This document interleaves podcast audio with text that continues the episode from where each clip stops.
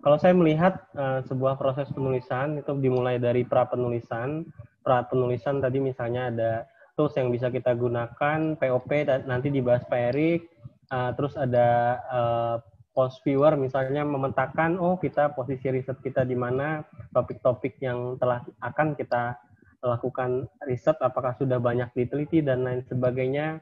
Ada beberapa website misalnya Connected Papers yang bisa melihat uh, posisi topik yang akan kita gali misalnya. Jadi hal-hal seperti ini dapat kita uh, gunakan untuk mempermudah uh, riset yang akan uh, kita gunakan. Selanjutnya di setelah pranaskah pada saat menulis pun banyak sekali aplikasi yang dapat kita gunakan. Sebagai contoh ada uh, ref and write di situ setelah itu bisa dilanjutkan dengan cek misalnya Grammarly, uh, grammarnya. Selanjutnya ada, sebentar ya, saya saya agak lupa sedikit. Ada satu aplikasi menurut saya bagus juga untuk cek uh, pro writing misalnya, untuk cek keterbacaan uh, dan uh, itu di penulisan ya. Dan ada Quillbot misalnya memparafrase memparafrase naskah kita yang serasanya mungkin uh, misalnya kita kutip tapi masih sama ya dengan uh, uh, tulisan aslinya. Oke, selanjutnya di pasca pasca naskah pun sudah jadi, misalnya kita ingin menata lagi menata paper kita tersebut bisa menggunakan Mendeley, Zotero, selanjutnya bisa menggunakan mesin similarity check, misalnya ada Turnitin. Nah, Bapak Ibu, jika ingin berlangganan Identicate bisa melewat lewat RJI juga dan Identicate uh, rasanya hampir sama mesinnya dengan Turnitin. Nah, itulah tools-tools yang menurut saya penting uh, kita gunakan sebagai peneliti maupun pengelola jurnal. Selanjutnya, selanjutnya perangkat tersebut ya uh, tentunya bisa dijalankan uh, menggunakan internet. Internet nanti beberapa website yang bisa kita kunjungi uh, dapat digunakan sesuai dengan fungsinya ya tools tersebut. Tentu Mendeley ini memang sangat lengkap misalnya sebagai penyimpanan penyimpanan juga sebagai pencarian juga sebagai penata pustaka kita juga.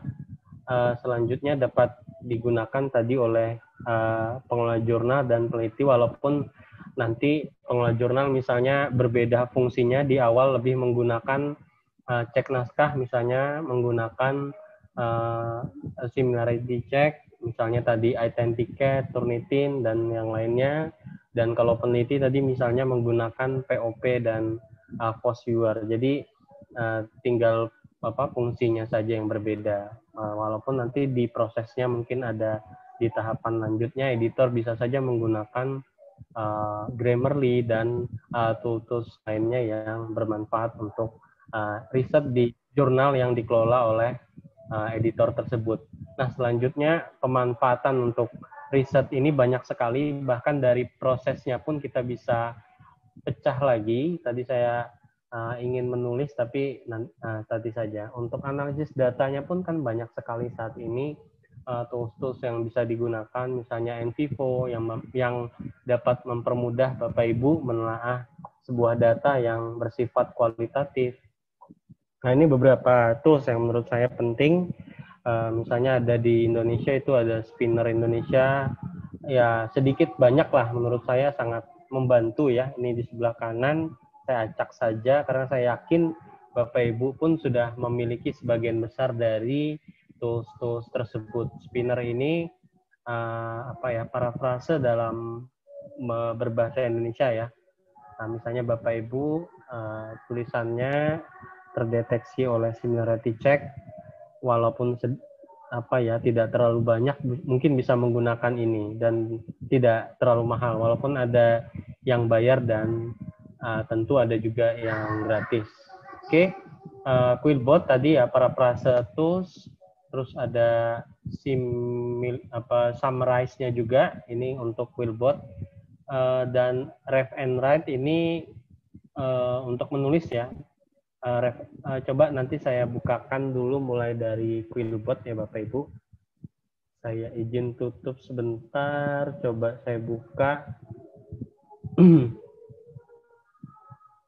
sebentar ya Bapak Ibu. Nah, ini untuk Quillbot Bapak Ibu, ini cukup mudah ya Bapak Ibu tinggal uh, copy paste dokumen. Di sini ada beberapa pilihan.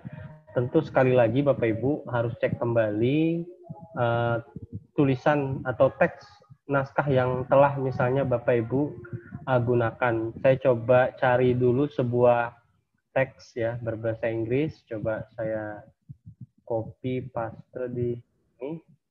Oh tertutup ya. Coba sebentar saya paste di sini. Nah ini ada beberapa pilihan. Beberapa pilihan ada mulai dari standar, fluency, kreatif. Ada ini baru seminggu rasanya ada kreatif plus ini saya juga uh, belum lihat, belum mencoba. Kita coba yang kreatif plus. Oke, di sini ada beberapa perbedaan ya, ada perubahan kosakata. Nah, ketika Bapak Ibu ingin memparafrase di Quillbot ini memang ada word flip ini maksudnya nanti ada apa ya perubahan banyak pada susunan kosakata ketika word flipnya ditarik ya. Misalnya seperti ini. Ah, semakin uh, Bapak Ibu tarik mungkin tidak semakin akurat. Akurasi maksudnya akurasi di sini akurasi dari bahasa sumber. Ya, jadi sebelah kiri ini ada bahasa sumber. Nah, ini bahasa uh, sasaran walaupun bahasanya sama, bahasa Inggris tetap namun ada perubahan dari misalnya uh, struktur dan uh, kosakata pada uh, paragraf ini. Jadi kurang lebih seperti untuk untuk penggunaan Quillbot ya. Bapak Ibu, uh, ini tidak terlalu mahal juga kalau menurut saya. Hmm, kampus-kampus pun bisa dengan mudah membelinya ya. Jadi di sini ada fluency, ada kreatif, formal, shorten. Nah, ini yang biasa juga misalnya saya ada mengelola uh, jurnal ya Sinta Sinta berapa itu.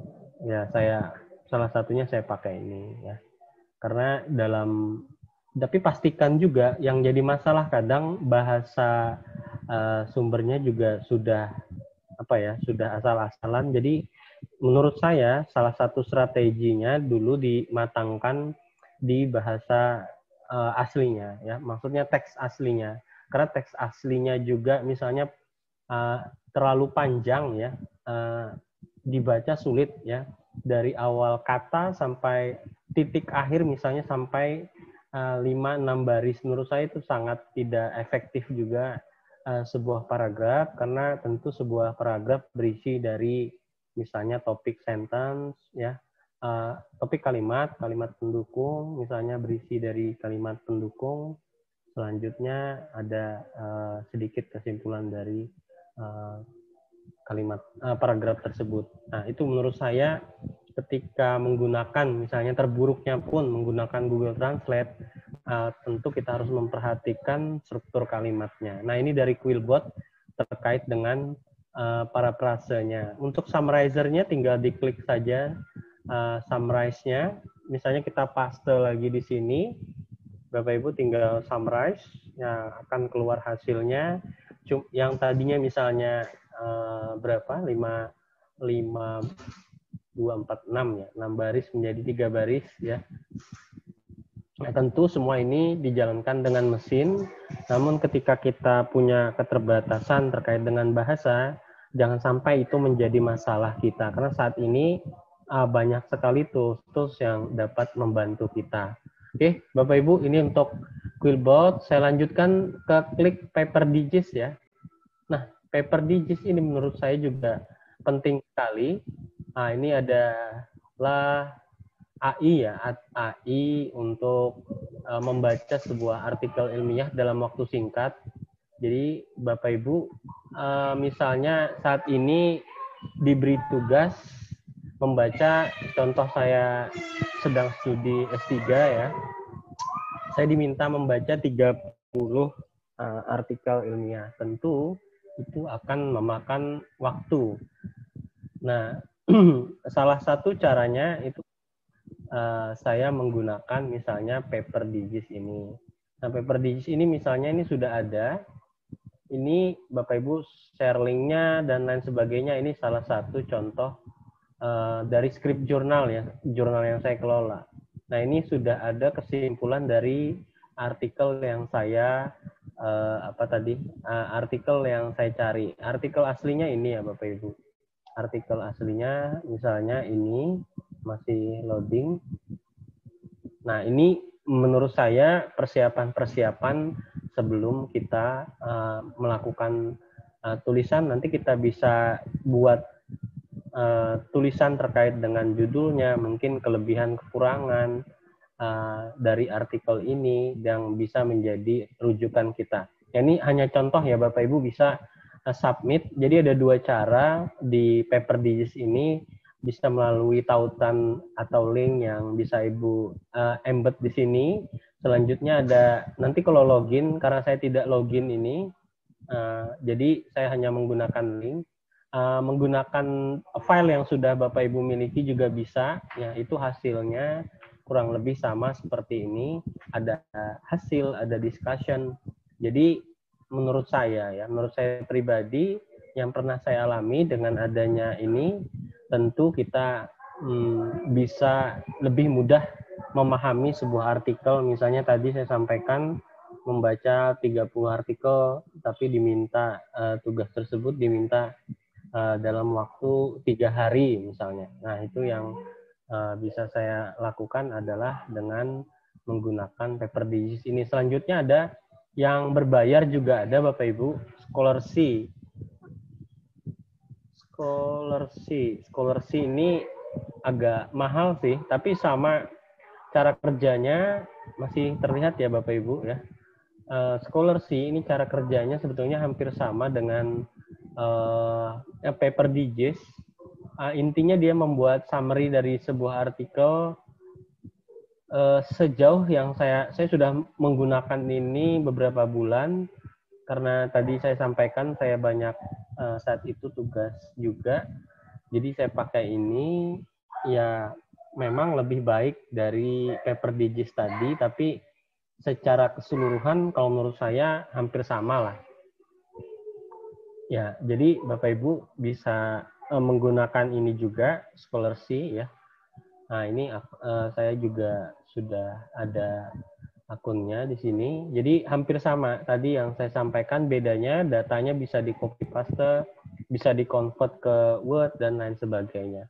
Itu saja sih kalau scholarship uh, berbayarnya uh, ya lumayan kalau tidak salah ini 7 atau 8 euro. Sekali lagi saya tidak sedang mempromosikan produk namun uh, menyampaikan uh, kegunaan dari tools-tools tersebut. Oke, saya stop share screen-nya di uh, website. Saya coba ke PPT saya. Saya takut lupa tadi apa lagi.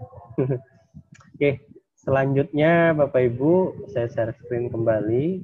Jadi intinya Bapak Ibu ketika ada dukungan beberapa aplikasi ini sangat mendukung menurut saya ya ini tadi publish or perish post viewer. Nah ini yang uh, coba saya klik ya connected papers. Ini terkait dengan uh, tools juga. Kalau menurut saya ini penting juga. Saya pernah cari uh, judul artikel yang akan saya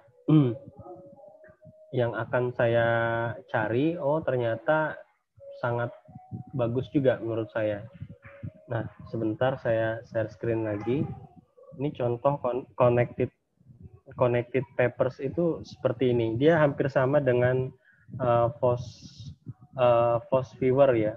Nah, contoh saya cari uh, topik terkait dengan riset saya itu saya temuin. Nah, ini bisa jadi cikal bakal untuk uh, referensi kita misalnya. Nah ini yang yang kemarin saya dapat dan cukup uh, cukup membantu lah untuk misalnya menambah uh, referensi ya yang perlu Bapak Ibu ingat bahwa beberapa jurnal ya hampir beberapa jurnal um, mayoritas mungkin menurut saya itu mempersyaratkan uh, kutipannya wajib dari sumber primer. Sumber primer tersebut berupa artikel ilmiah tentunya. Nah, misalnya 80%, 20%, uh, 16 uh, kutipan Bapak Ibu tentu harus dari arti nah kalau ada yang seperti ini kan jauh lebih mudah.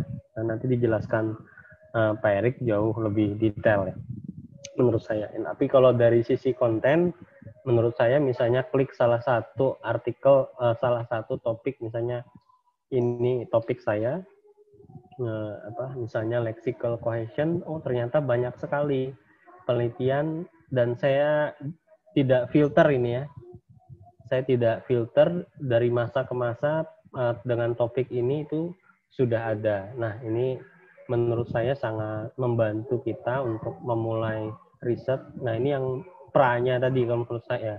Kalau sudah ada begini uh, dari beberapa buku yang saya baca juga kebiasaan menulis tentu dari input yang kita lakukan. Kalau inputnya juga tidak ada, ya pengalaman saya juga dalam mengelola jurnal, skrip jurnal tadi ya. Kalau inputnya sedikit juga tentu yang ditulis oleh autor biasanya juga uh, sangat terbatas ya. Sementara artikel-artikel saat ini hmm, meminta misalnya adanya uh, gap dari penelitian. Nah, adanya gap tentu dipicu oleh riset-riset terdahulu dan perbedaan riset terdahulu dengan riset yang akan kita lakukan apa. Oke, itu selanjutnya ini saya share screen kembali ada Evernote ya. Misalnya Evernote ini bisa menjadi catatan kita juga ya, catatan kita sebagai peneliti tentu saya yakin Bapak Ibu untuk hal password saja ya. Password uh, salah satu akun misalnya akun Arjuna, akun uh, Sinta, saya uh, misalnya tadi pagi ada Pak akun Sinta saya hilang bagaimana ya? Nah uh, kita sebagai dosen saya yakin akun kita seminimal minimalnya itu ada 10. Uh, kalau saya lebih suka menyimpannya di Evernote ya catatan-catatan apa pun itu itu saya suka simpan di Evernote. Tidak hanya tadi catatan terkait password, maksud saya catatan-catatan harian kita atau riset kita itu bisa saja kita uh, tulis di Evernote ya. Evernote ini saya sudah pakai kurang lebih tiga tahun, tiga tahun kalau tidak, ya kurang lebih tiga tahun Oke, internet sources tentu persiapan kita bisa merujuk pada Google Scholar juga Science Direct ya. Dan saya juga suka sekali dengan ResearchGate ya. ResearchGate di situ adalah sosial media peneliti ya. Bahkan kalau artikel tersebut misalnya berbayar, kita bisa saja meminta kepada peneliti tersebut untuk hmm, apa ya bermohon dikirimkan ke kita artikelnya dan saya pun pernah mencobanya. Oke, okay, mainly tidak saya jelaskan sudah banyak sekali paper digest juga sudah tadi. Selanjutnya ini contoh tampilan dari uh, Post Viewer ya Bapak Ibu. Post Viewer tadi hampir sama kalau menurut saya dengan uh, Connected Papers ya. Jadi tinggal Bapak Ibu uh, pilih saja. Intinya kalau menurut saya ya jangan takut memulai, silahkan dicoba saja. Intinya tools akan mencoba membantu. Nah, biasanya uh, kaitannya tadi tools-tools tadi endingnya misalnya dapat misalnya sebuah review artikel seperti ini tinggal dituliskan. Tadi misalnya beberapa tools yang telah kita gunakan misalnya ada POP tadi eh, di pra penulisan naskah, nah, terus ada connected papers, ada uh, research guide, ada setelah kita baca summary, uh, ada paper digest, scholarship itu saya masukkan ke sini misalnya. Ini ini contoh sederhana dari saya, Bapak Ibu bisa kembangkan sendiri yang jauh lebih baik. Yang jelas contoh sederhana dari saya kurang lebih seperti ini. Selanjutnya di penulisan nanti, nah penulisan di sini maksudnya bisa uh, di tahap penulisannya Bapak Ibu tentunya bisa menggunakan beberapa tools untuk cek grammarnya bisa menggunakan Grammarly tadi Quillbot sudah ada White Smoke. Nah, pro writing ini saya cukup suka ya menurut saya. Karena dengan pro writing tadi misalnya sebagai contoh uh, kita uh, saya tampilkan saja ya karena nanti kalau saya banyak bercerita tanpa praktek kurang efektif.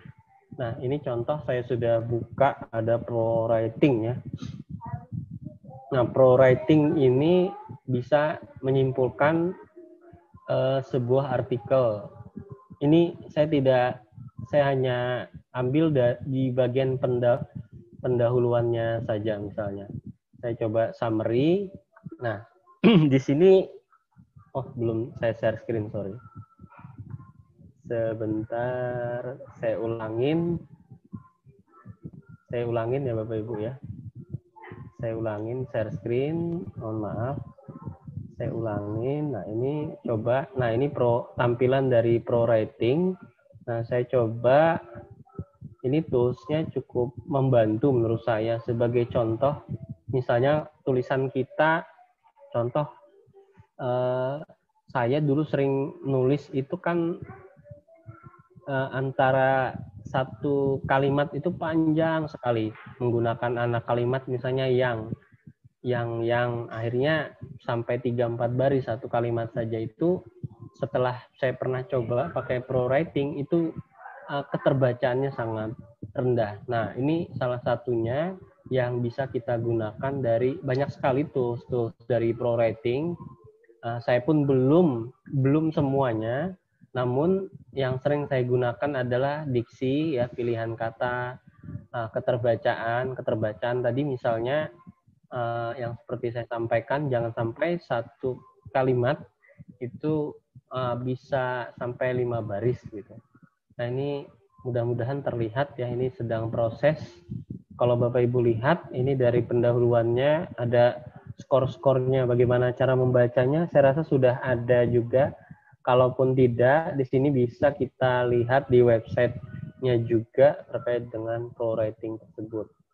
Nah ini ini hasil-hasil dari uh, apa tadi grammar checknya ya bisa terlihat di sini writing bahkan dia bisa menilai ya uh, writing style kita ya di sini. Nah, ini yang bisa kita terlalu misalnya banyak penggunaan pasif misalnya.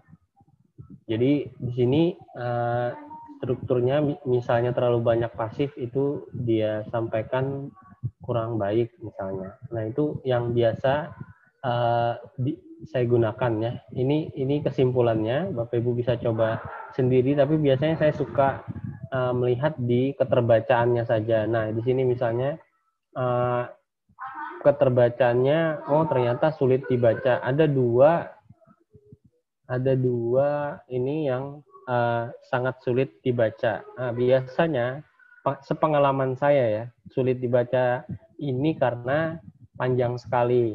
Nah, ini panjang sekali. Sepertinya yang mulai di baris kedua ini ya.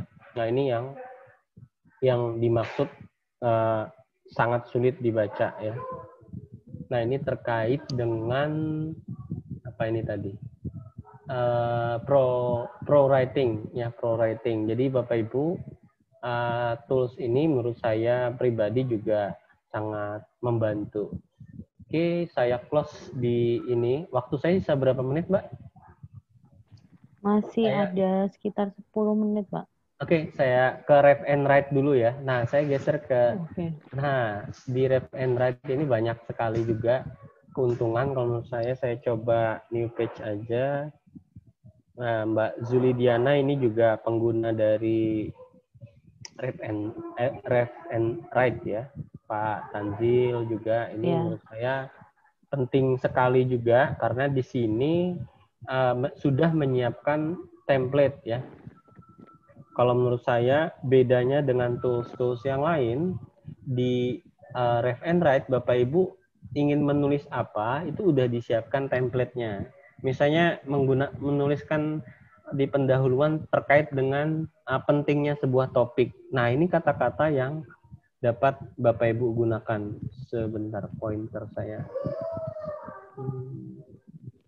Nah, di sini Bapak Ibu bisa uh, gunakan ini ya apa namanya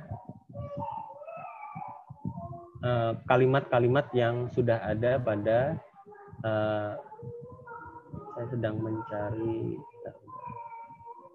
sebentar. Oke, tidak ketemu.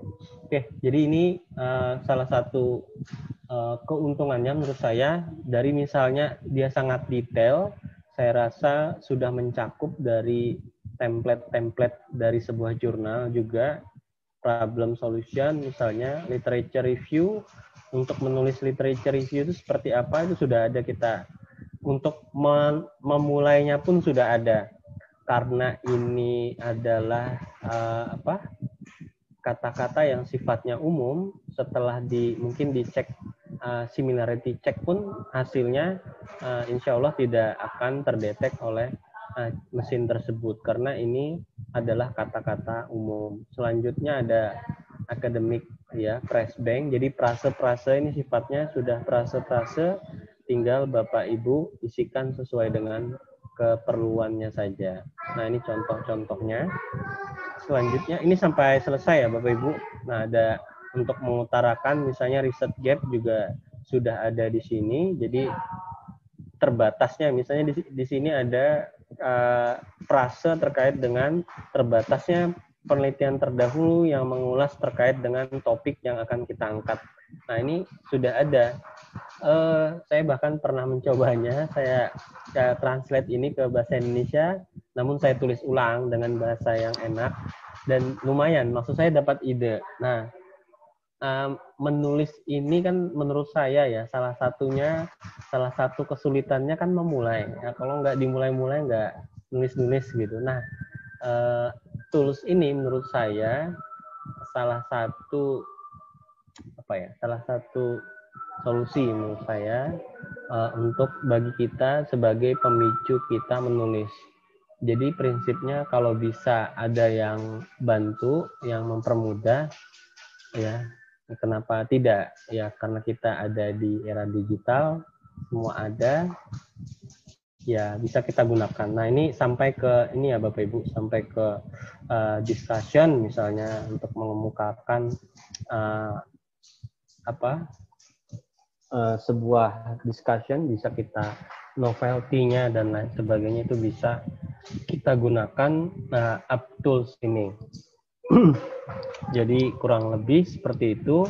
Coba saya lihat lagi di slide saya masih ada sedikit kayaknya. Karena tadi waktunya terbatas. Nah, ini Bapak Ibu, saya share screen lagi. Mudah-mudahan Bapak Ibu makin semangat untuk menulis ya. Tadi fungsinya tadi pro writing dan lain sebagainya sudah. Untuk materi tadi kalau ada di apa di Zenodo-nya uh, eh, RJI ya,